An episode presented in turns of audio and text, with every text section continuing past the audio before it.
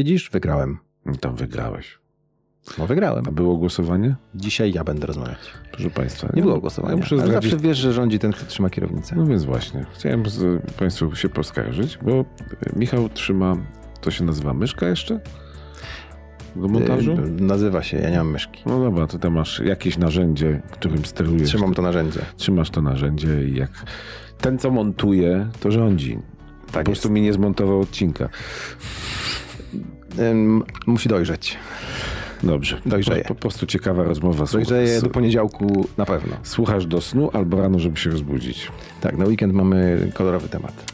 Dobra. Michał wygrał kolorowy temat i tutaj powinno być podprowadzenie. Problem polega na tym, Już że... trochę podprowadziłem. No co to za podprowadzenie? Ja wiem z kim, ale nie bardzo wiem o czym. Tak, no dzisiaj rozmawiamy o dosyć e, ważnej grupie mieszkańców Poznania, tej takiej najbardziej kolorowej, jak się powszechnie e, uważa, i o książce, która powstała o, Pozna- o tych właśnie poznaniakach. Ale jak wiesz, jak o Poznaniu książki wychodzą, to albo są nudne, albo zaraz wywracają jakiś stolik, bo narobią zamieszania, obrażą 10 osób. Czy to jest taka książka? Nie wiem, czy to jest taka książka, ale ewidentnie mm, to jest książka z samymi pochwałami e, na temat Poznania i poznaniaków. Nie może być. Tak jest. I to też mnie zdziwiło i o tym też rozmawiamy, dlaczego powstała książka, która nas chwali, bo, e, Bo z my, się, reguły... nie- bo my się nie chwalimy. Bo my się nie chwalimy. I to jest jeden z... e, Jeden z Ja jestem na przykład typowym poznaniakiem, ciągle marudzę.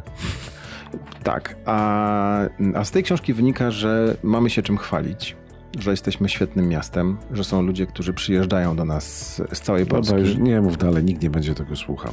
E, tak? Nie, no przecież, przeciwnie. przecież jakie argumenty, że my jesteśmy tacy fajni? Zobacz, przegraliśmy Nie teraz ranking- słuchałeś. Jesteśmy w rankingu. Nie A słuchałeś. widziałeś ranking przyjaznych miast e, komunikacyjnie? rankingi? No. Myślisz, że to cokolwiek grabało? Tak, na samym końcu. Nie, no, A co, źle ci jest w Poznaniu? Ale kto powiedział, że No nie? właśnie. A co, jaki mogę, ranking? sobie, mogę sobie bez przeszkód marudzić. Ale możesz. Nie, nie patrz na rankingi. Dobra. e, Każdy ranking, wiesz jak, to y, dobry jest dla tych, którzy są na pierwszym, drugim albo trzecim Dobra, miejscu, zaczniemy- a ci na końcu narzekają, a jak ci na końcu wchodzą na pierwsze miejsce, to już im się ranking podoba, więc a ostatni będą pier się. pierwszymi. no i tak bywa. Proszę Państwa, żebyście nie musieli marudzić na nasze marudzenie, e, Michał zaprasza do rozmowy o tym, jak fajny jest Poznań. Nie chce mi się wierzyć. No, no to za chwileczkę.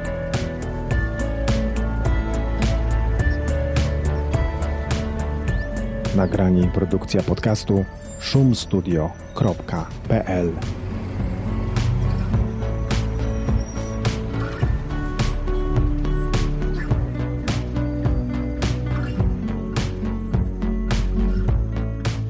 Tak dziwnie jakoś żeśmy krążyli wokół tego Krążyliśmy, tematu, no. To było bez sensu trochę. Znaczy, ciachnij to po prostu. Tak. Nie. Nie. Zostawię. No, może zostaw. Może nie było bez sensu. Może nie byłoby Niech sensu. zostanie.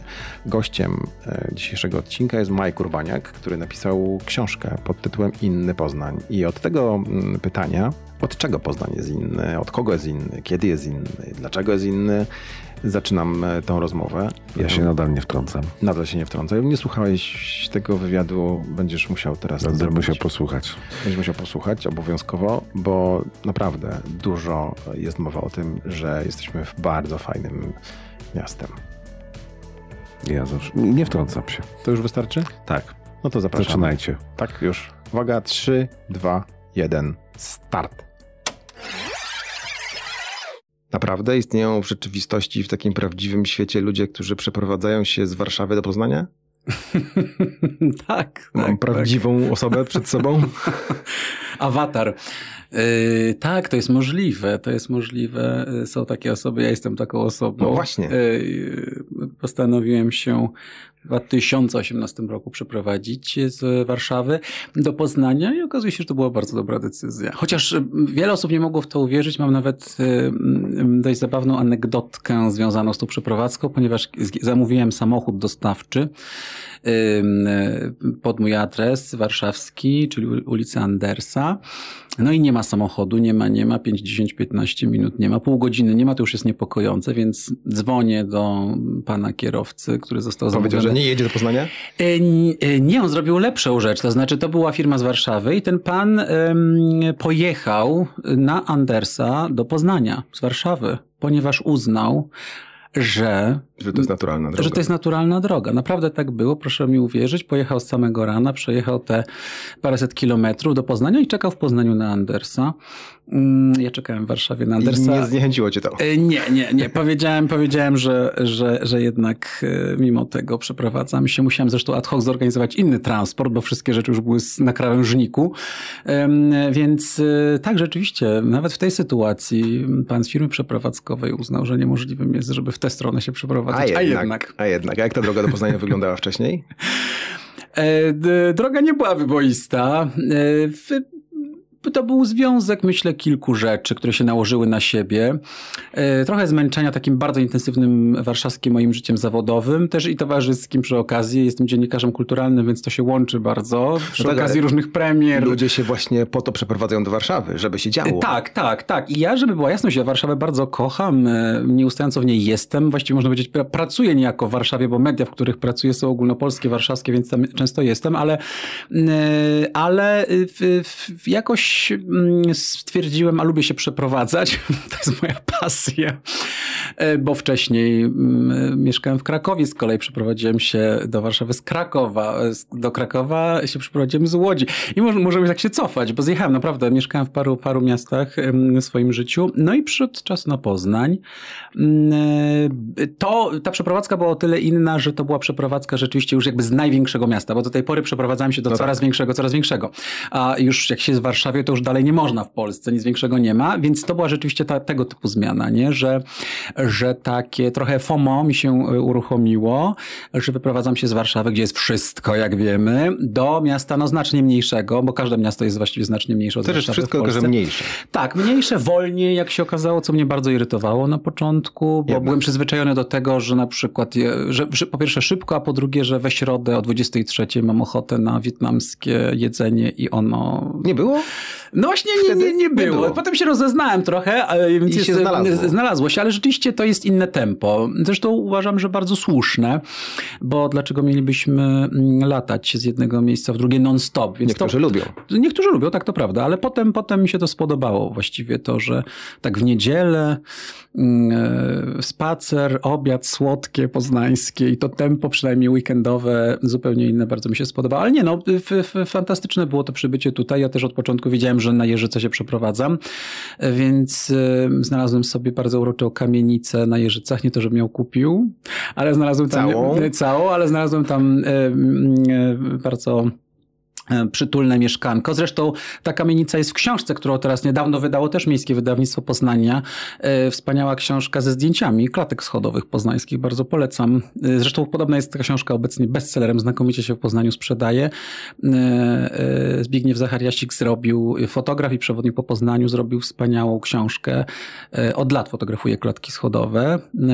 Których nie znamy generalnie. Trochę. Tak, tak. Część znamy, część nie znamy i w tej książce znalazłem zdjęcie swoich drzwi drzwi, y, więc... więc ale już po tym, jak się przeprowadziłeś. Ale już, już potem nie jest to zdjęcie podpisane nie, nie moim imieniem, nazwiskiem, więc bardzo miłe, krótko mówiąc, okoliczności przyrody, y, ta przeprowadzka do Poznania, miasta takiego 15-minutowego, przynajmniej w moim przypadku na pewno, bo no, ja w porównaniu z Warszawą, tak. Tak, tak, chociaż w Warszawie bardzo sprawnie się porusza komunikacją publiczną.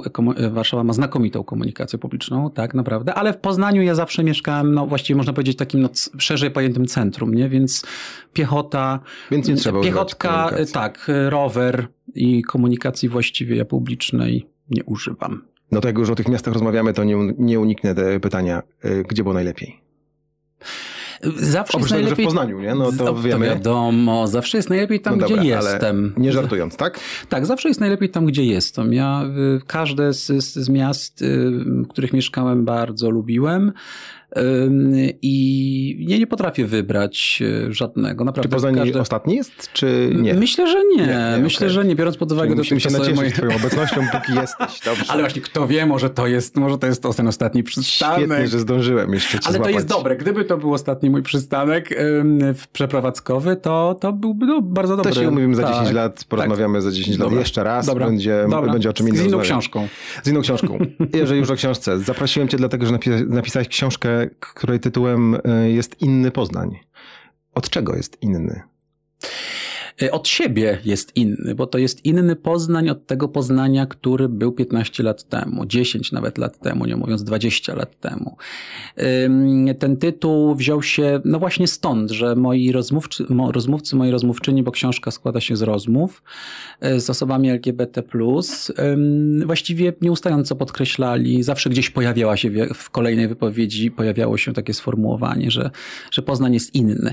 Właśnie od innych miast polskich w tej kwestii queerowej powiedziałbym, ale też właśnie inny od tego Poznania, który pamiętamy z, myślę, jeszcze sprzed 20 lat. Poznań mm, raczej miał taki wizerunek miasta dość mieszczańskiego, zawsze takiego poukładanego. Postniemieckiego. E, tak, to akurat jest świetne. E, to mi się bardzo podoba. Ale tak, historycznie też miasto endeckie, tutaj w międzywojniu niezwykle silna była e, endecja zawsze. Zresztą endecja ta trzeciej Rzeczpospolitej, można powiedzieć, też się tutaj na, na, naradzała z, z Romanem Giertychem z Kurnika Podpoznańskiego, prawda? Więc te tradycje bardzo silne, takie katolickie, narodowe, endeckie zawsze były w Poznaniu. Zresztą to jest jedyne y, duże miasto w Polsce, które tak nie ma... zwane tradycyjne. Tradycyjne, ale też je, tak, ale jedyne, to jest jedyne, to jest, myślę, że to jest ciekawostka, jedyne duże miasto w Polsce, w którym nie ma pomnika Józefa Piłsudskiego. I to uważam, że dość sporo też mówi o takim y, historycznym pewnym No my tu mamy jakieś lekkie zarzuty wobec e, pana Józefa Piłsudskiego. E, tak, tak, ja je oczywiście znam, ale no więc, więc to jest tego typu, to, ten Poznań właściwie takim miastem, myślę, wydawał był się i wydawał 20 się. lat temu. Tak, On jest w tej chwili taki, inny. Był taki był. i się zaczął się zmieniać i zmienia się w sposób, powiedziałbym, dość spektakularny. No właśnie, na okładce napisałeś w ciągu 8 lat Poznań przeszedł wielką obyczajową metamorfozę. Dlaczego 8 lat akurat? Y, ta cezura rok 2015 tutaj się pojawia, bo kilka rzeczy się wydarzyło w, w tym 2015 roku. Y, zmieniła się władza w Poznaniu. To jest bardzo ważne. Poprzedni prezydent Grobelny, który wiele, wiele lat rządził Poznaniem, został y, wygłosowany przez mieszkańców i nastąpiła zmiana w tej materii. Jacek Jaśkowiak został prezydentem Poznania, no i to była bardzo ważna, bardzo ważna zmiana w tym mieście. Człowiek zresztą, który się wywodził, był związany z ruchami miejskimi, ogóle z zupełnie inną energią i tak dalej, i tak dalej. Ale wtedy też w 2015 roku grupa Stonewall powstała. To jest stowarzyszenie y, najważniejsze tutaj, poznańskie stowarzyszenie LGBT+. I dzisiaj no, jedna z naj, naprawdę potężniejszych organizacji LGBT w Ale Polsce. to jedno z drugim miało cokolwiek wspólnego? Nie, nie, koincydencja. Y, to jest koincydencja, więc właśnie akurat wtedy powstało stowarzyszenie, stowarzyszenie Grupa Stonewall. Grupa Stonewall przejęła organizowanie y, Parady Równości, która miała bardzo trudne początki w Poznaniu. Zresztą wszędzie miała trudne początki, w każdym polskim mieście. No ale pierwsze parady, no to, mm, to grupie osób udawało się przejść dosłownie kilka kroków i o, o, to było, było więcej protestujących Tak, to byli kibole razem z policją, którzy właściwie naprzemiennie, można powiedzieć, represjonowali osoby Którzy teraz też się pojawiają, ale raczej jako kwiatek do kożucha. Jako, tak, jako mm, zabawny element. akcent. Naprawdę, tak. to w ogóle nie ma dzisiaj znaczenia żadnego. Już nawet kibole zrezygnowali zupełnie, już dali sobie spokój w Poznaniu, jeżeli chodzi o społeczność LGBT+. No, nie prowokuj. No nie, no myślę, że naprawdę nie, że to, to też świadczy o Poznaniu. To ja uważam, że to jest bardzo ciekawe akurat, że... Zaczęliśmy że, się akceptować? Yy, tak, że, że, znaczy ja uważam, że społeczność queerowa stała się takim naturalnym elementem krajobrazu Poznania i że minął w Poznaniu ten czas. To nie znaczy, że nie, nie przydarzają się rzeczy jakieś negatywne, jakieś napaści, tego typu rzeczy. To się wszędzie zdarza, to się zdarza w San Francisco, Nowym Jorku i Berlinie. Natomiast y, no, myślę, że z pewnością tutaj ta atmosfera y, Poznania już jest dzisiaj taka y, i tęczowe flagi są tak naturalnym elementem krajobrazu, wystarczy się przyjść po Jeżycach i paru innych dzielnic, i po Łazarzu, żeby je zobaczyć, że już nawet kibole odpuścili absolutnie. Zresztą y, no, zwracam twoją uwagę na, y, na nieobecność, na szczęście tych, tych grup i środowisk podczas Parady Równości w, w Poznaniu, no a tym, co się działo kilka lat temu podczas pierwszej Parady Równości w Białymstoku, kiedy kibole Jagiellonii Białystok właściwie dokonali pogromu na, na paradzie. Więc to jest, to jest ta różnica. Te 500 kilometrów e, robi, robi wielką, wielką różnicę i myślę, że Poznań może być naprawdę z tego dumny. Ja się śmieję, że gdyby Poznań był w Niemczech, to byłoby takie klasyczne e, miasto rządzone przez CDU. To też to chyba nie jest kwestia odległości, tylko tego rzeczywiście, co się wydarzyło. Powiedziałeś o Stonewallu, który rzeczywiście miał, e, zresztą z wywiadów z książki wynika, że to było taki game changer, bardzo poważny w Poznaniu. No ale z drugiej strony wspominasz prezydenta Jacka Jaśkowiaka. Jaka jest jego rola w, tym, w tej zmianie, w tej metamorfozie obyczajowej? No, dobrej. tak. tak, to jest dobra zmiana. To trzeba powiedzieć, że to jest dobra zmiana. Duże znaczenie i symboliczne i praktyczne. Symboliczne to takie, że prezydent Jaśkowiak był pierwszym prezydentem, jest pierwszym prezydentem polskiego miasta, który mm, udzielił patronatu nad Paradą Równości i wziął w niej Wziął udział. udział. I dzisiaj to się może wielu nie wydawać jakimś szczególnym osiągnięciem, czymś bardzo ważnym, e, ale chciałbym przypomnieć, że e, wszyscy prezydenci miast, łącznie z ówczesną prezydent Warszawy Hanną Gronkiewicz-Walc, kategorycznie zawsze odmawiali tego Udziału. udziału i, patro- I patronatu. udzielenia patronatu. Ym, No doskonale to pamiętam, szczególnie ze strony Hanny Gronkiewicz, bo wtedy mieszkałem w Warszawie, więc dosk- blisko to śledziłem. Y, I kiedy prezydent Jaśkowiak zdecydował się na ten krok, też mu odradzano. Jego polityczne, partyjne otoczenie też mu to odradzało, że to mu zaszkodzi, krótko mówiąc. Uważano to, co też Donald Tusk uważał kilka lat temu. Dzisiaj zmienił zdanie. Dzisiaj mówi, że popiera związki partnerskie. Platforma Obywatelska popiera związki, związki partnerskie, e, ale kilka lat temu nie, e, nie popierała. Nie? Więc to było naprawdę ważne. I okazało się, że prezydent Jaśkowiak wbrew y, tym radom, głosom, y, wziął udział w paradzie, sfotografował się, udzielił patronatu, Przemawiał. przemawiał. Miasto pozwoliło na wywieszenie tęczowych flag co roku na latarniach. To jest jedyne polskie miasto, y, w którym to się odbywa. Y, I w którym nikt chyba tych flag nie zrywa, bo to nie, jest nie, nie. istotne. Tak, nikt ich nie zrywa. Mówię, uważam, że one są już naturalnym dzisiaj elementem krajobrazu Poznania. Więc to naprawdę było ważne w takiej sferze symbolicznej. I dopiero wtedy, kiedy okazało się, że nie tylko to nie szkodzi prezydentowi Jaśkowiakowi, ale przysparza mu popularności, prezydenci wszystkich innych dużych polskich, prawie, no nie wszystkich, ale wielu innych polskich dużych miast, Gdańska, Wrocławia, Łodzi, Warszawy, poszli w ślady prezydenta Poznania. To nie Warszawa była w tej materii pierwsza, ani Kraków, ani Wrocław, tylko Poznań. Ale ma to też wymiar praktyczny, ponieważ em, jeżeli Zawsze jest tak, że urzędnicy, instytucje, które podlegają miastu, no wiadomo, obserwują uważnie poglądy tego, kto rządzi miastem i się do nich dostosowują. To nawet nie jest kwestia zarządzeń formalnych, niczego nie trzeba formalnie Tak się po zarządzać. prostu dzieje. Tak się dzieje, prawda? Wiemy, jakie prezydent ma poglądy, czy ma konserwatywne, czy postępowe, a co myśli o tym, a co myśli o tym, i do tego się automatycznie, można powiedzieć, cała struktura jakby miasta dostosowuje.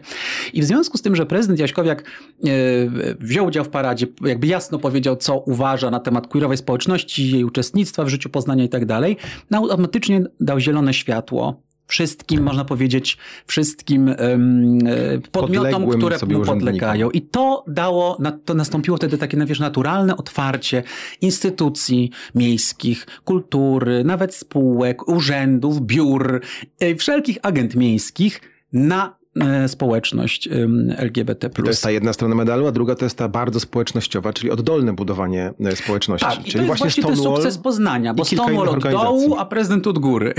I to się wszystko zbiegło w jednym czasie Tak, i jesteśmy w tym mieście, które jest Tak. w tej chwili najbardziej kolorowym miastem w Polsce? Ono jest obok Warszawy. no Obok Warszawa Warszawy. Jest, jest oczywiście tutaj, wiadomo, to jest zawsze stolica i ogromne miasto i tak dalej, więc ta społeczność queerowa w Warszawie naturalnie jest ogromna, ale y, niezmiennie podkreślam to i powtarzam i bronię tej mojej tezy, też mając osobiste doświadczenie, i będąc i tu i tu, że Poznań jest pierwszym miastem, w którym, queerowej społecz- w którym queerowym osobom udało się stworzyć społeczność. Ja tutaj Samemu mam poczucie społeczności. Wiesz. Społeczność to jest coś więcej niż grupa osób LGBT+. Bo w Warszawie jest mnóstwo queerowych osób, oczywiście więcej niż w Poznaniu, efekt skali. Ale w Poznaniu jest, mam poczucie, że społeczność się wytworzyła. I to nie jest oczywiście tylko grupa Stonewall, ale to jest mnóstwo innych podmiotów e, tęczowych, które w Poznaniu działają. W Poznaniu działa jedyny zresztą w Polsce e, platforma, jedyna, platforma streamingowa zajmująca się tylko i wyłącznie filmami LGBT+, czyli outfilm.pl. W Poznaniu działa fantastycznie Stowarzyszenie Sportowe Orion, e, które propaguje, krótko mówiąc, aktywność fizyczną, uprawianie sportu w queerowej społeczności. Świetnie się to rozwija. W Poznaniu działa coraz prężniej Stowarzyszenie LGBT UAM, które działa na Uniwersytecie Adama Mickiewicza, jak wskazuje nazwa, które skupia i studentów, i pracowników naukowych tej uczelni, organizuje fenomenalne rzeczy. Działa Fundacja Tęczowych Rodzin, która z kolei ten segment, e, tym segmentem się zajmuje, czyli w coraz większej e, liczbie właśnie tęczowych rodzin. Najczęściej są to, najczęściej są to lesbijki z dziećmi, tak to się dzisiaj układa. Jest niewielu panów, którzy mają dzieci, wychowują dzieci, a przynajmniej takich, którzy są wyautowani, gdzieś uczestniczą w tej społeczności, ale to jest kolejny segment i tak dalej, i tak dalej. Więc ta queerowa społeczność Poznania to są rozmaite stowarzyszenia, stowarzyszenia, rozmaite grupy, e, wiesz, i zarejestrowane, i nieformalne, i to daje taki efekt skali, wzajemnie się napędza. I dzięki temu ta queerowa społeczność Poznania jest, jest tak żywa i tak wielobarwna, jak śmiem twierdzić nieustająco nigdzie indziej w Polsce. I to dlatego też napisałeś, że jest mnóstwo osób, e, które, z którymi mógłbyś porozmawiać i miałeś ciężki wybór, kogo wybrać? Bardzo, naprawdę bardzo. Ja w 2008 roku napisałem z moją przyjaciółką Dominiką Buczak, to z kolei było w moich czasach krakowskich, e, napisaliśmy książkę Gejdar. To była pierwsza książka w Polsce, która składała się z rozmów z gejami. 15 lat temu. Tak, i to jest dużo i niedużo, prawda? 15 lat. I teraz y, zobacz, to mieliśmy bardzo trudno, y, trudnym zadaniem było zebranie tych osób. Wszystkie te osoby są w tej książce anonimowe, żadna nie zgodziła się wystąpić pod nazwiskiem, nie mówiąc o zdjęciu. Nawet musieliśmy zmieniać niektóre detale dotyczące życia tych osób, bo one bały się, że, że zostaną zidentyfikowane. I zobacz, jesteśmy teraz 15 lat później w Poznaniu i mamy książkę, która, e, w której wszyscy są. 100 osób. Tak, ja robię listę 100 osób. Ta lista naprawdę nie ma końca, z którymi mogę porozmawiać, i to są wszystko osoby, to jest ważne, które występują pod swoim imieniem i nazwiskiem, które mają piękny portret. E, Łukasz Łukasiewicz, fantastyczny fotograf, zrobił wszystkim przepiękne zdjęcia, które są w tej książce, i ta lista nie ma końca. To pokazuje, gdzie zawędrowaliśmy przez ostatnie 15 lat, gdzie na pewno zawędrowaliśmy w Poznaniu, bo to też nie jest tak, że tak jest wszędzie w Polsce. E, więc myślę, że Poznań naprawdę może być z tego bardzo, bardzo dumny, że tutaj akurat e, nastąpiła taka fa fantastyczna metamorfoza i że miasto tak się nabrało trochę większego luzu, otworzyło się, powietrza więcej zostało, wpuściliśmy tutaj, myślę, wszyscy do, do tego miasta. I to są też osoby, które są zarówno z Poznania, w sensie urodziły się w Poznaniu, wychowały w Poznaniu, ale też jak zwróciłeś być może uwagę, to jest też wiele osób, które przyjechały do Poznania. I to jest to bogactwo zawsze takich miast metropolitalnych, prawda, że przyciągają fantastyczne osoby, które działają na rzecz tego miasta, Arek no, Kluk, jeżeli, no prezes, właśnie. prawda, przyjechał z miasteczka krajańskiego. A jeżeli mówimy Poznania. o waszej społeczności, to, to nie działa metropolia, to działa co innego. To działa klimat, tak? Poznań y, przyciąga. Y, tak, znaczy metropolia zawsze działa, bo osoby queerowe historycznie to wiemy, zawsze, y, można powiedzieć, no zawsze, właściwie można powiedzieć od XIX wieku, właściwie mają tendencję do, mają tendencję do migracji do dużych ośrodków, które, bo w dużych ośrodkach jest anonimowość, większa możliwość poznania, była większa możliwość poznania innych osób queerowych, etc., etc., oczywistość. Ale tak, no są, są przecież w Polsce miasta, jest więcej miast wielkości Poznania i nawet większych, no a to Poznań w ostatnich latach jest tak miastem, który szczególnie przyciąga queerowe osoby. W Teatrze Polskim w Poznaniu y, powstał kilka miesięcy temu spektakl Kolorowe Sny, który, którym grają którą gra młodzież LGBT poznańska.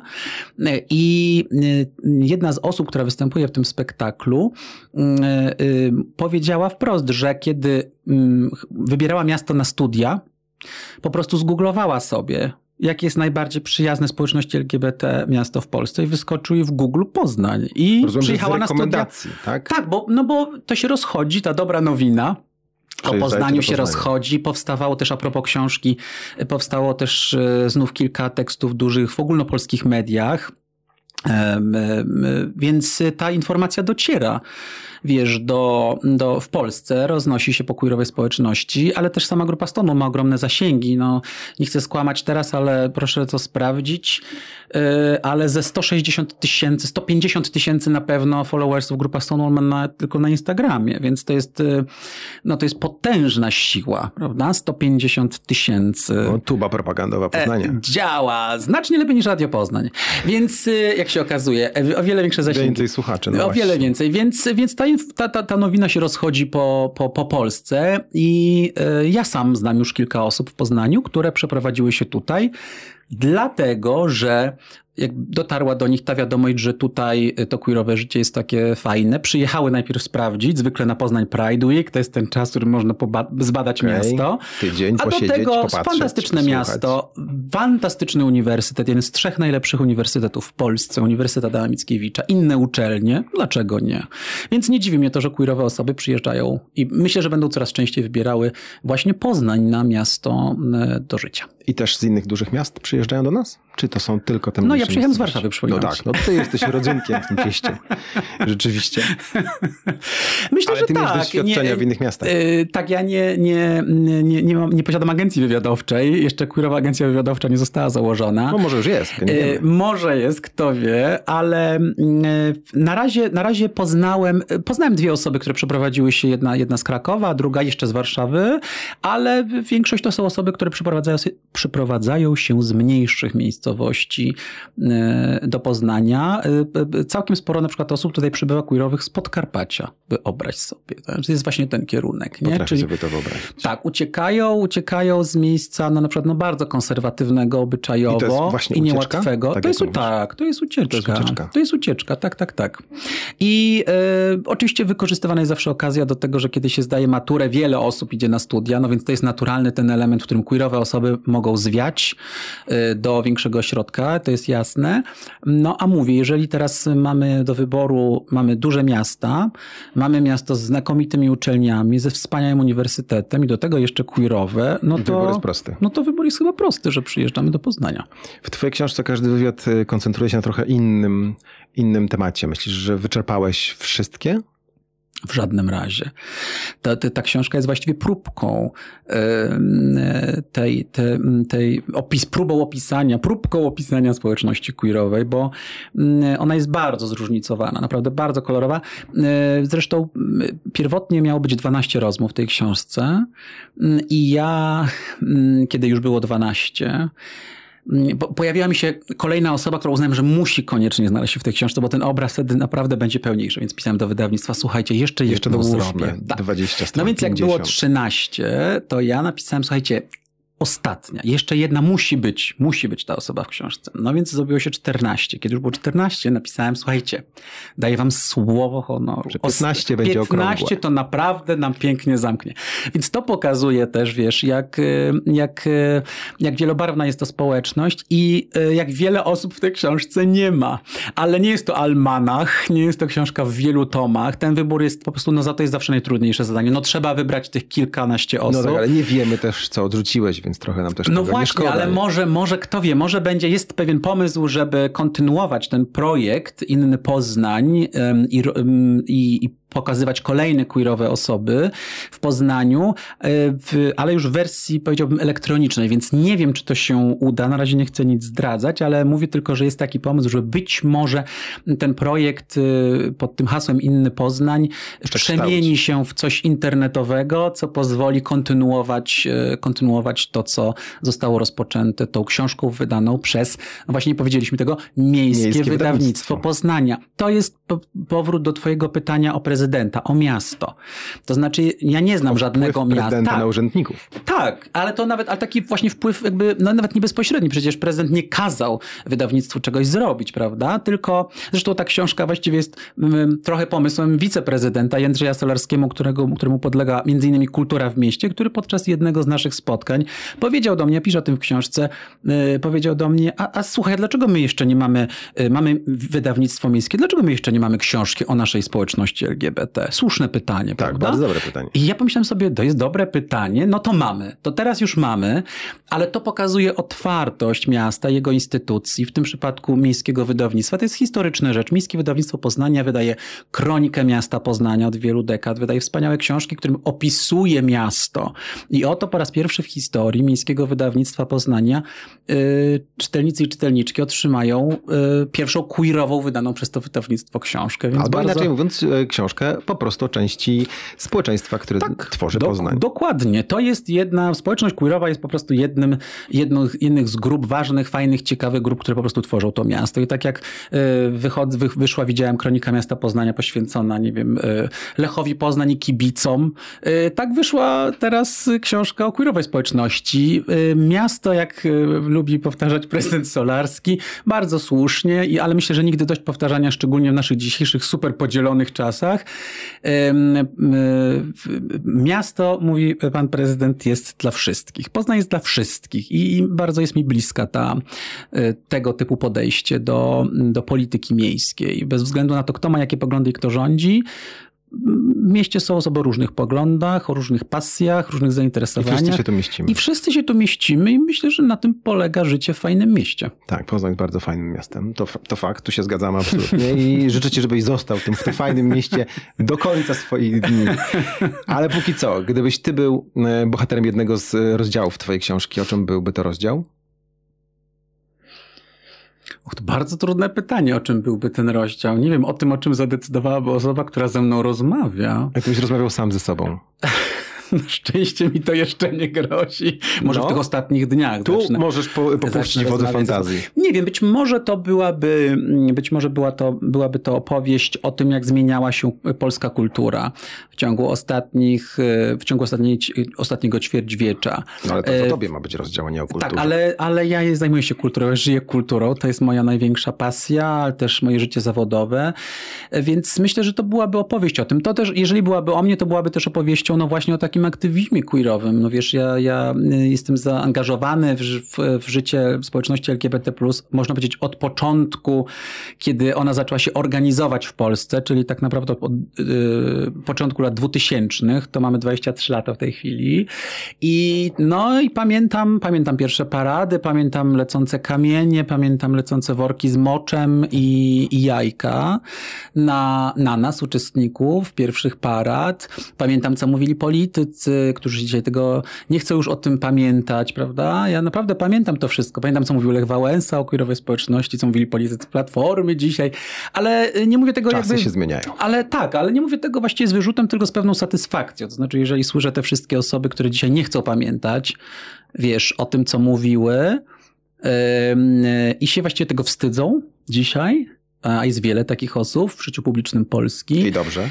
To, to dobrze. Tak, to dobrze. Już nie zawstydzajmy. Ważne jest, że, że zrozumieli, że ewoluują ich poglądy, że my wędrujemy do przodu. Ale to wszystkie społeczeństwa idą tą drogą. Y, No jesteśmy chyba wiele, wiele. Tak, tak, tak, tak. Oczywiście ta droga nie jest tutaj absolutnie wyjątkowa, natomiast trzeba powiedzieć, że jesteśmy bardzo, bardzo oporni politycznie. Znaczy, yy, pragnę uświadomić ci osoby, które nas słuchają, że jeszcze, że, że właśnie 15 lat temu w Polsce złożono ponad yy, pierwsze, pierwszy projekt ustawy o no, związkach partnerskich, kiedy, kiedy lewica rządziła w Polsce, profesor Szyszkowska. Nie pamiętam w tej chwili, to był chyba nawet 2003 rok.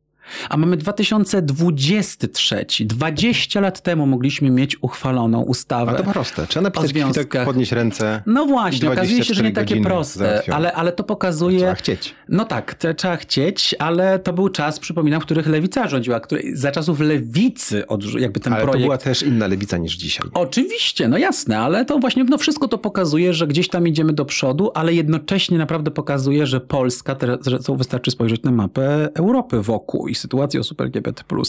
Znaczy Polska jest według raportu ILGA Europe, to jest takie naj, naj, najważniejsze stowarzyszenie e, e, osób LGBT+, organizacji w Europie, ono co roku publikuje raport i Polska jest trzeci rok z rzędu największą homofobką w Unii Europejskiej i plasuje się w sytuacji osób LGBT w, z krajami takimi jak obecnie jak Rosja, Białoruś i Turcja. Ale to mówimy o rozwiązaniach formalnych. Tak, tak, o Nie o rozwiązaniach. nastawieniu społeczeństwa, tylko o tym, Nie, jak państwo nie, mówimy traktuje tak, jak część są- swojego tak, społeczeństwa. Tak, tak. Jak, jak państwo traktuje, jakie, czy jest równouprawnienie, czy jest zakaz dyskryminacji, czy jest ochrona prawna, czy możliwość zawierania związków partnerskich, czy małżeństw płciowych, adopcji dzieci, e, dostępu do jakby w, w, w ramach służby zdrowia, e, no etc. Wszystkie te, te, cały ten pakiet, można powiedzieć, który społeczność queerowa już w bardzo wielu krajach sobie wywalczyła, no to Polska tutaj szoruje po dnie nieustająco, nie? Aczkolwiek to y, zmiana społeczna jest no bardzo zauważalna. Dzisiaj ponad 60% obywateli naszego kraju popiera związki partnerskie.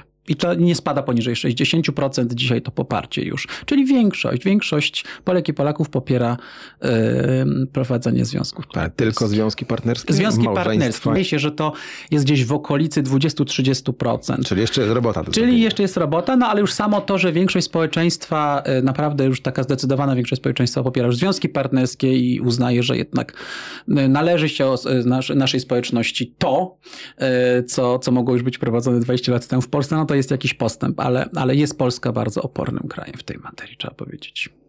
To jakie są pierwsze kroki dla nowej władzy, jeżeli będzie nowa władza e, w październiku? Nie wiem, nie wiem, jakie są pierwsze kroki. Jakie Zupełnie. powinny być? E, myślę, co da się że zrobić to... już, co można zrobić za kilka lat? Jestem, muszę powiedzieć, niestety bardzo sceptyczny w tej materii, chociażby związków partnerskich, ponieważ, wiesz, no, no cieszy... chyba się nie da uciec już teraz od tego. No właśnie, w Polsce chyba się. Y, wszystko się da, jak się okazuje, dlatego, że jeżeli tak. zakładając, że Jesteśmy wygrywa opozycja, prawda, i na przykład jest to opozycja złożona z tego konglomeratu Platformy, Hołowni, nie wiem, PSL-u, Lewicy, no to w samym, y, już może Platforma jeszcze już, już w miarę, ale na przykład w PSL-u i w, w Hołowni jest bardzo dużo osób y, w poglądach bardzo konserwatywnych w tej materii i ja wcale nie byłbym taki pewien, że jeżeli opozycja wygra wybory, to ta, na przykład ustawa o związkach partnerskich przejdzie gładko, na przykład przez parlament, czy nie będziemy mieli tutaj niespodzianki w postaci e, kilkunastu na przykład posłów, którzy nie będą chcieli tego poprzeć, a, a przypominam, że jesteśmy tak 50-50 prawie, okay, więc ta większość będzie kilku, kilku Dobrze. głosowań. Ucieknijmy od polityki. Takich pięć punktów, które powinny być spełnione, żebyśmy 嗯。5-3, żebyśmy nie byli na ostatnim miejscu w Europie, jeżeli chodzi o podejście państwa do osób queerowych. Na pewno powinna zostać wprowadzona... Związki partnerskie. Związki partnerskie to jest oczywista oczywistość, jak mówił klasyk, chociaż no, w naszej queerowej społeczności dzisiaj podchodzimy już bez wielkiego entuzjazmu do związków partnerskich, ponieważ jesteśmy w świecie, w którym po prostu domagamy się równości małżeńskiej, a nie związków partnerskich, no ale dobrze, niech będzie. Krok po kroku. To raz. Krok po kroku. Na pewno powinna to być prawna ochrona, jeżeli chodzi o dyskryminację ze względu na orientację i tożsamość, ponieważ my nie mamy takiego zapisu w polskim prawie. Y, polskie prawo w kodeksie karnym zakazuje dyskryminowania ze względu tam na, na, na, na wyznanie, na kolor skóry, pochodzenie etniczne, coś jeszcze nie pamiętam, ale mamy wymienione te rzeczy. Natomiast nie ma tutaj ta, takiego zakazu y, dyskryminacji, jeżeli chodzi o tożsamość i, i orientację, więc to na pewno powinno być również wprowadzone, no szczególnie po tych traumatycznych ośmiu latach teraz, nie? kiedy można o społeczności LGBT powiedzieć wszystko i zrobić wszystko i jeżeli ktoś nie ma takiego samozaparcia, żeby na drogę cywilną wstępować, co się dzieje w parunastu przypadkach, to właściwie jest to bezkarne dzisiaj, można powiedzieć naprawdę i zrobić w stosunku do naszej społeczności, co się chce i nie ma tego konsekwencji żadnych I tak się prawnych. Dzieje. No. A w Poznaniu to czuć? Y, no, y, mamy, mamy tutaj te, te, te, mm, te, te furgonetki, prawda? Głośna przecież sprawa, yy, szerzące z tych szczekaczek jakieś takie yy, homofobiczne hasła, głównie. No dobrze, ale to są takie incydenty. No tak, no ale no są. One, Nie ale... czuć tego tak ogólnie. Nie, nie tak. czuć, dlatego że no, Poznań jest, to jest inny Poznań. Inny Poznań. to jest inny Poznań, więc one są, są te głosy takie homofobiczne, takie incydenty się pojawiają. No są y, radni PiSu w Radzie Miasta, którzy również podnoszą swoje tutaj głosy w tej materii, chociaż nieskutecznie, no bo są kompletną mniejszością w Poznaniu. Więc są tego typu sytuacje, ale, ale no w Poznaniu jednak myślę, że mamy wszyscy takie poczucie, że to, że to już, że, że w Poznaniu to już nie przejdzie. Ja, ja mówię, nie wiem, czy napisałem to w książce, czy, czy w którejś rozmów, to padło, ale że ja tak mówię, że w Poznaniu to już nie wypada być homofobem. Nawet jak ktoś jest, to jest właśnie, to jest bardzo poznańskie, to jest, to jest prywatnie za firankami, za swoimi firankami w domu, ale już publicznie nie wypada. Że to tak trochę nie wypada w Poznaniu, jak nie wypada śmiecić. Nie? A to tak naprawdę jest pięknie, bo w tych wszystkich rozmowach twoich przewija się, przewija się fakt, że rzeczywiście oni wszyscy tutaj, ci ludzie, z którymi rozmawiasz, przyjechali do Poznania, bo to jest Poznań, bo tu jest hmm. właśnie taki klimat, bo to jest inne miasto. Naprawdę jest tak pięknie u nas? No, jest pięknie, ale nie, nie osiągnęliśmy stanu queerowej nirwany. I ja tego nie mówię, ja to też podkreślam w książce, bo y, dość szybko pojawiły się takie głosy, że właściwie, że to może jakaś, jakąś laurkę wystawiam Poznaniowi. To nie chodzi o no wystawienie... tak troszeczkę gdzieś tam ten cukier tak. mi został na końcu języka. No bardzo dobrze książkę. ci został cukier na końcu języka, tylko y, to jest bardzo polskie. To jest bardzo polskie. W Stanach Zjednoczonych byłoby 100 takich książek już dawno napisanych, są napisane, ponieważ jest tradycja pisania o sukcesie też, o tym, co się udało osiągnąć, co się udało wywalczyć, co działa fenomenalnie, czym się można pochwalić. I o tym jest ta książka. I takie było A my tylko narzekamy. To jest, to jest polskie, to jest bardzo, bardzo polskie. My tylko narzekamy i kiedy ja piszę książkę o tym, co się udało Poznaniowi osiągnąć w, w materii LGBT+, to od razu oczywiście muszą się pojawić głosy, no ale że to jest, ale czy to nie jest laurka, a czy to nie jest, a czy naprawdę jest tak wspaniale? No właśnie jest wspaniale, co nie znaczy, że jesteśmy w raju. Zdarzają się napa napaści na osoby LGBT+, sporadycznie w Poznaniu się zdarzają, tak ze dwa razy w roku. Zdarza się, że gdzieś jakaś flaga może zostanie zerwana, że coś się wydarzy. Takie incydenty się zdarzają, ale takie incydenty zdarzają się wszędzie.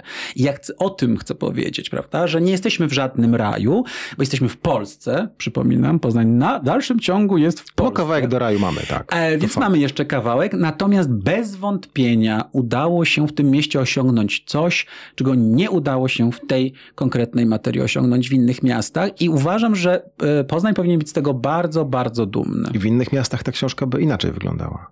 Byłaby o czym innym? Po części byłaby o czym innym, oczywiście, bo jest zawsze specyfika lokalna. E, występuje, to jest jasne, ale też e, te, wiele z tych historii to są historie, które no, powtarzają się wszędzie. No. E, moi bohaterowie i bohaterki opowiadają przecież też o tym, o dyskryminacji, o tym, jak zostali na przykład odrzuceni przez przyjaciół, o tym, jak zostali odrzuceni przez rodziców, o tym, jak ich traktuje Kościół na przykład, prawda?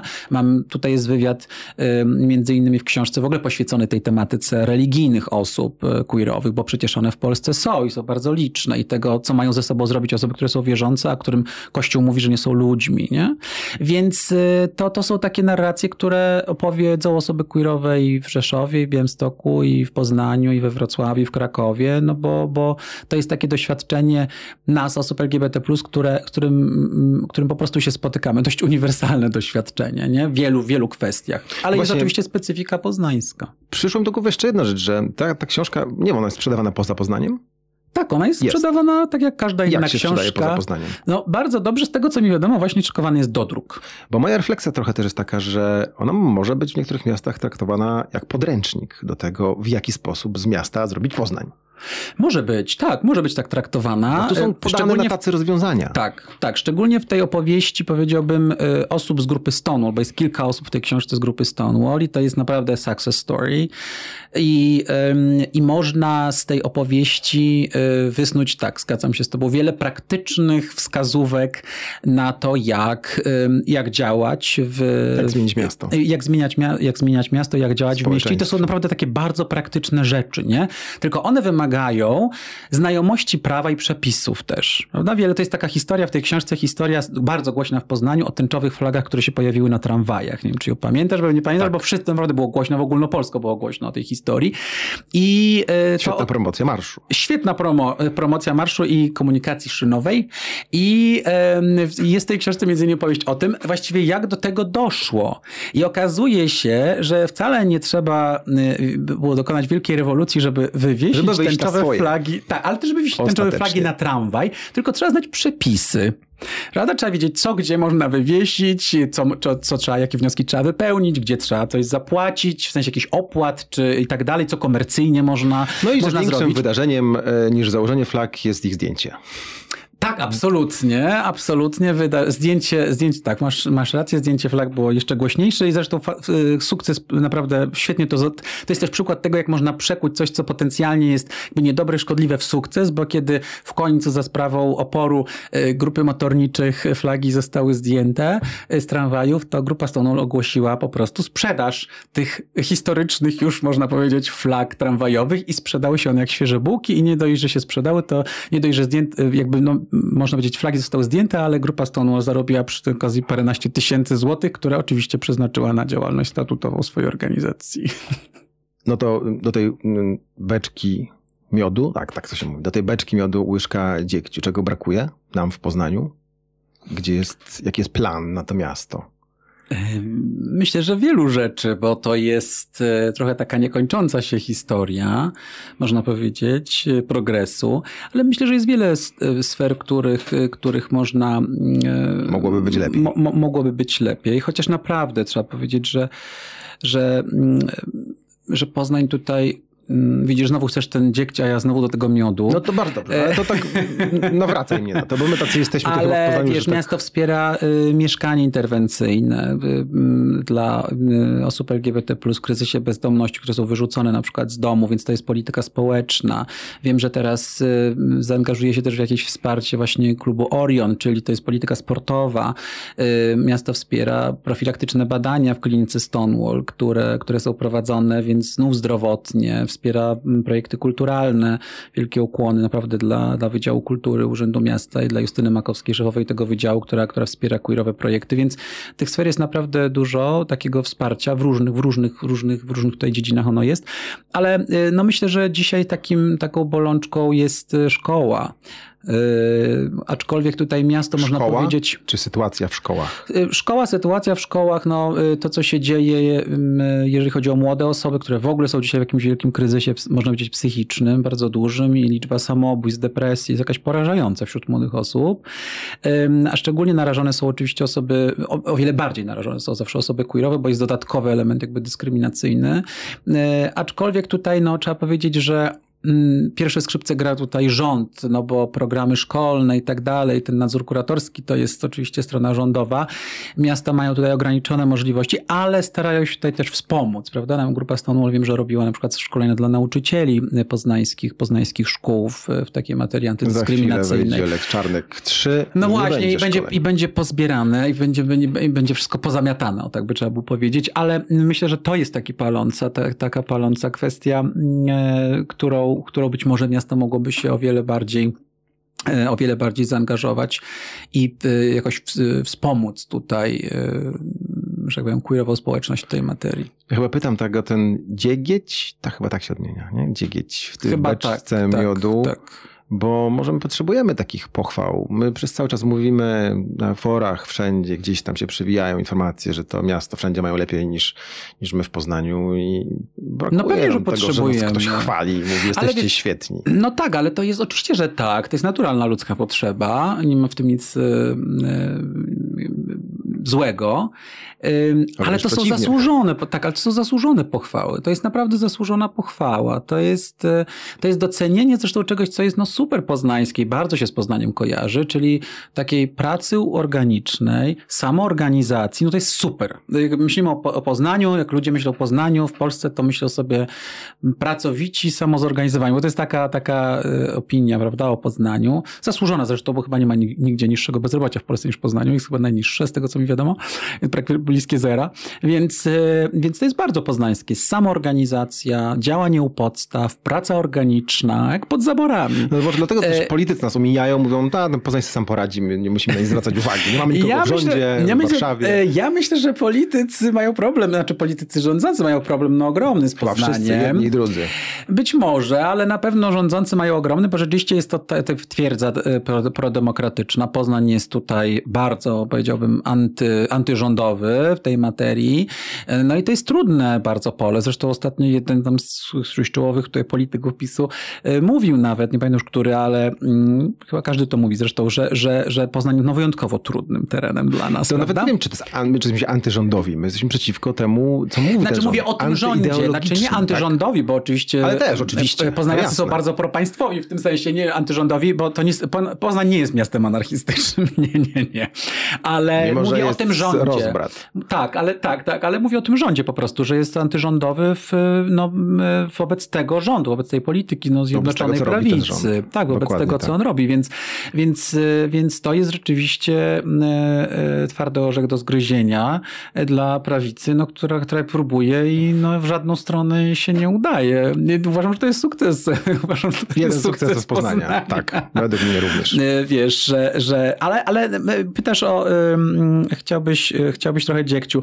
E, Nie, nie Ale chodzi- ja nie naciskam na nie naciskasz, y, ale, ale muszę powiedzieć, że, że już może wy- wychodząc trochę poza e, queerowe sprawy, że Poznań i to mnie jakoś tak zawsze irytowało, znaczy od kiedy się przeprowadziłem O, tutaj, okej, o, to mnie irytowało, jednak. że Poznań ma mnóstwo, to jest mnóstwo fenomenalnych inicjatyw ludzi, wydarzeń i Poznań jest w mojej opinii nieustająco bardzo kiepski w PR-ze. Bardzo kiepski.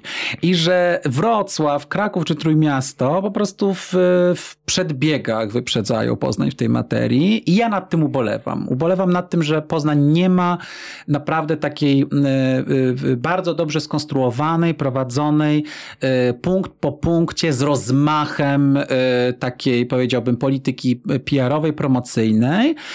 No i w kulturze właśnie też mnóstwo fantastycznych rzeczy tutaj się dzieje, a mam takie poczucie, że mo można by było docierać sprzedać szerzej, to. tak, sprzedać to mówiąc, używając tego okropnego słowa, kapitalistycznego słowa, sprzedać to, co się dzieje w Poznaniu o wiele sprawniej. Bo może e... chyba jeszcze nie wiemy, w czym jesteśmy dobrzy tak naprawdę. Może nie, może nie mi się zdaje, że, że brakuje fantazji po prostu e, e, poznaniakom, że właśnie są tak skupieni na swoim organicznej pracy u podstaw, na swoim takim życiu codziennym pracy, jakim przyjemnym życiu, bo Poznań jest bardzo swojego. przyjemnym tak. miastem do życia.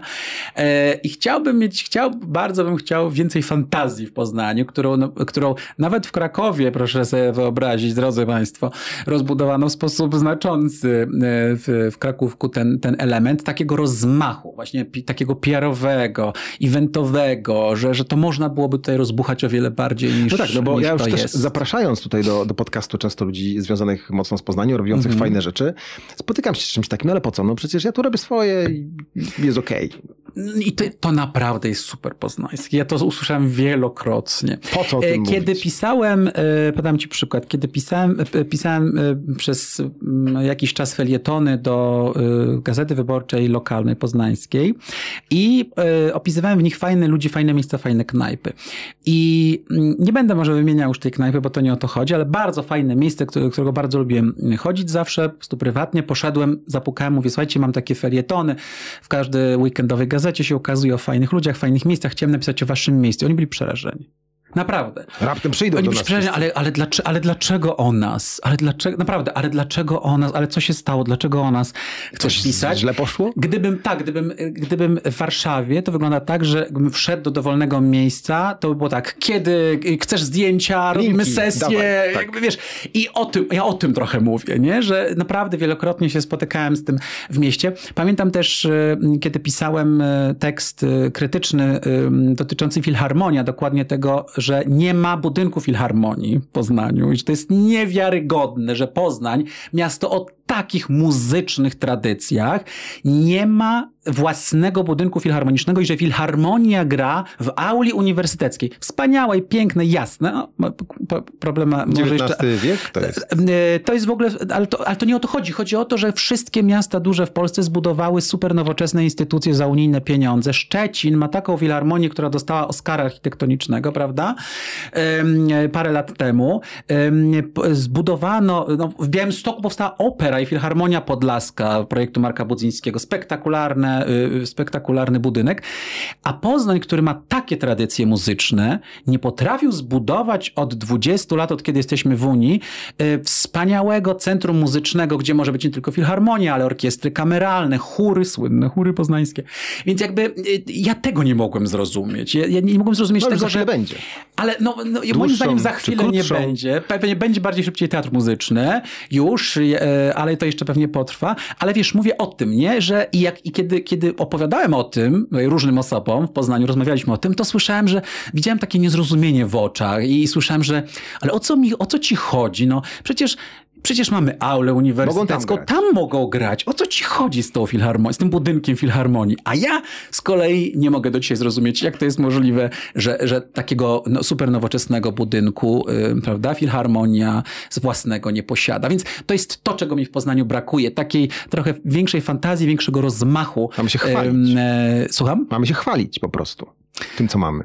No, chwalić się tym, co mamy, to jest jedno, ale też warto y, trochę z większą fantazją spojrzeć szerzej na obrazek ogólnopolski, zobaczyć, w czym możemy być lepsi, y, dlaczego wielkie koncerty odbywają się na przykład w arenach w Łodzi i w Katowicach i w Krakowie, a nie, nie dzieją się w Poznaniu. Odpowiedzmy sobie na to pytanie, prawda?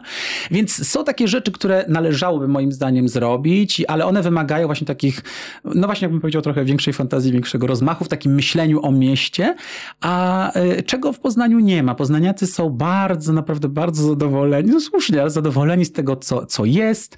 Nie widzą potrzeby, żeby tutaj szaleć, szczególnie jeżeli trzeba wydać jeszcze jakieś pieniądze na to. Oj, to po co, to po co to, prawda? E, znamy to, więc, więc myślę, że to jest coś, co jakoś ja bym widział to jest trochę... praca na pokolenie. Trochę rozkry... Nie, to nie jest wcale na pokolenia. Instytucje można stworzyć, zbudować w kilka lat nowoczesną i jest wiele przykładów. Akurat ja mówię o kulturze, bo robię w kulturze, więc naprawdę wiele powstało od czasu, kiedy Polska weszła do Unii, chyba w 2004, prawda? Weszliśmy do Unii 20 lat temu. No w wielu miastach i o wiele mniejszych niż Poznań powstały naprawdę super nowoczesne instytucje, muzea, e, filharmonii i tak dalej, a, a my tutaj w Poznaniu, tak, Muzeum Powstania Wielkopolskiego, no czekamy, czekamy, prawda? Czekamy kolejne lata. No filharmonia, no czekamy. Teatr muzyczny, czekamy. I czekamy, i czekamy, i czekamy. Chciałbym e, nie czekać, tylko już te instytucje zobaczyć. kupować bilety. Mhm. Mam do ciebie jeszcze taką jedną refleksję, taką raczej związaną ze mną niż, mhm. niż z tobą. Ja przygotowując się do tego wywiadu, wypisywałem sobie pytania i trafiłem na taki, taką zagwostkę. Sformułowanie LGBT bo mhm. gdzieś czytając różne materiały, to się e, pojawia jako LGBT, po, za chwilę jest LGBT+, a ostatnio widziałem, że to już funkcjonuje nawet jako dziesięcioznakowy skrótowiec, czyli LGBTQQIAP2. Ja to nie mówię, żeby, żeby się z tego mhm. śmiać. Mhm. Panie Boże, chcę tylko o, jednym, o jedno zapytać. Czy mm, jak o was mówić? Bo ty używasz tego sformułowania queer tak? E, tak, to jest tak. Ja mam przez cały czas ten problem, dlatego Rozumiem, tak? rozumiem. Bardzo, bardzo, bardzo słuszne pytanie, bo też wiele osób e, nie chce też kogoś tak albo urazić, się, albo no nie wie, jakiego słowa użyć. Tak? Absolutnie. E, generalnie jest tak, że ten skrótowiec nam się powiększa, bo funkcjonowaliśmy przez wiele lat z LGBT, prawda? Lesbijki, geje, osoby tak. biseksualne i transpłciowe. Natomiast okazało się to niewystarczająco. Okazało się to zupełnie niewystarczająco. Okazało się, że tożsamości seksualnych, płciowych jest o wiele więcej, ich przybywa i to ja sam już właściwie straciłem nad nimi, można powiedzieć, panowanie w tym sensie, że one rzeczywiście pączkują.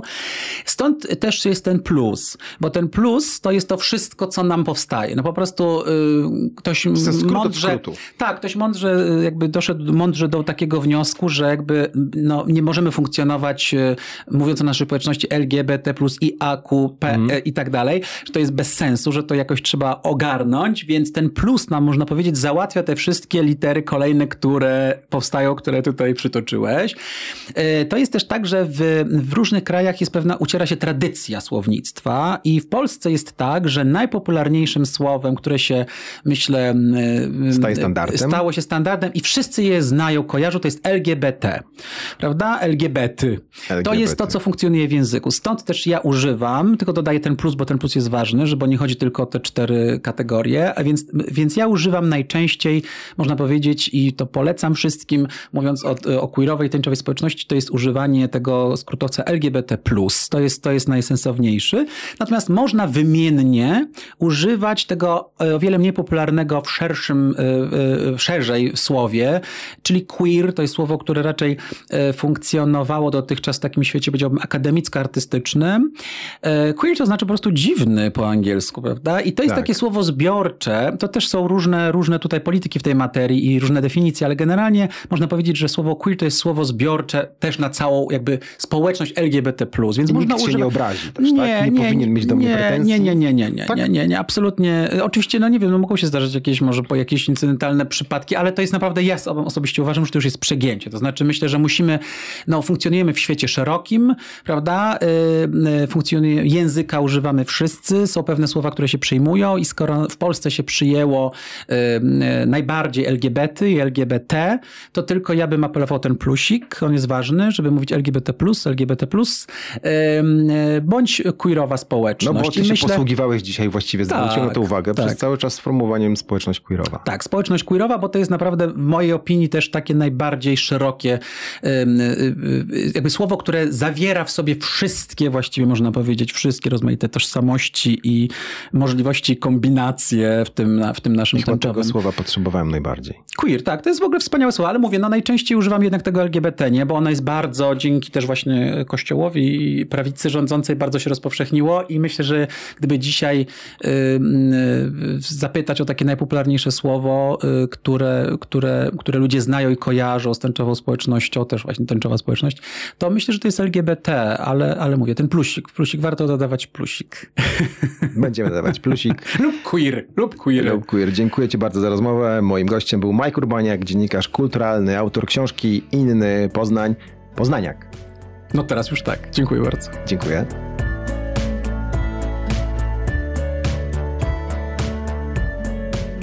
I oto przyszliśmy do podsumowania 28 odcinka podcastu poznańskiego Druga Wersja.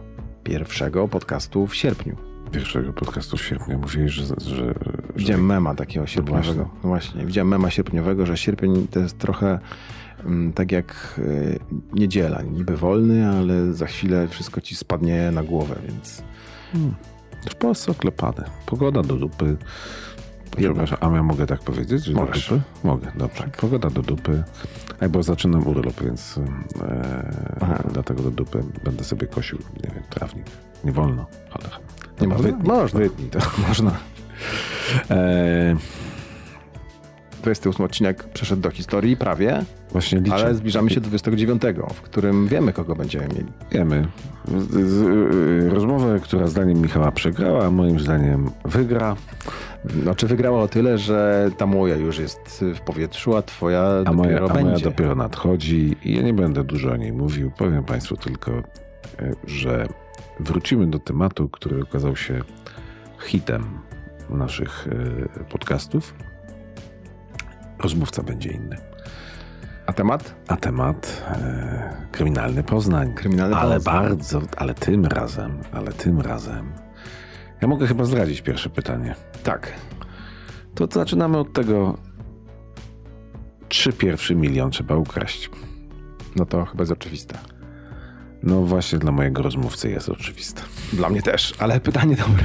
Ciekawy jestem, czego się dowiemy Znaczy, nowego. dużo na ten temat będzie mm, i bardzo, tam nie musiałeś dużo pikać chyba, bo bardzo staraliśmy się unikać nazwisk, natomiast każdy, kto trochę zna Poznań, mm, bardzo szybko się połapie w nazwiskach, które nie padły w czasie tej rozmowy.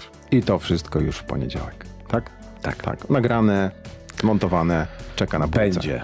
To nie jest, że nie przyjdzie nasz rozmówca. Chyba, że za 5 minut zadzwoni i powie, żeby skasować. No, myślę, że pamięta nasz gość, co powiedział. Pamięta, z całą pewnością.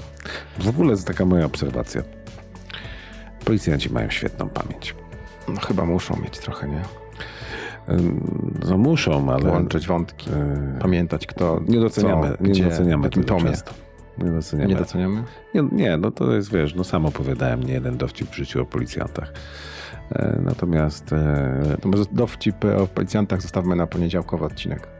no dobra, już. Do wstępu. Zapisz sobie ten dowcip, który chciałeś powiedzieć teraz i on będzie w poniedziałek. Jeden tylko?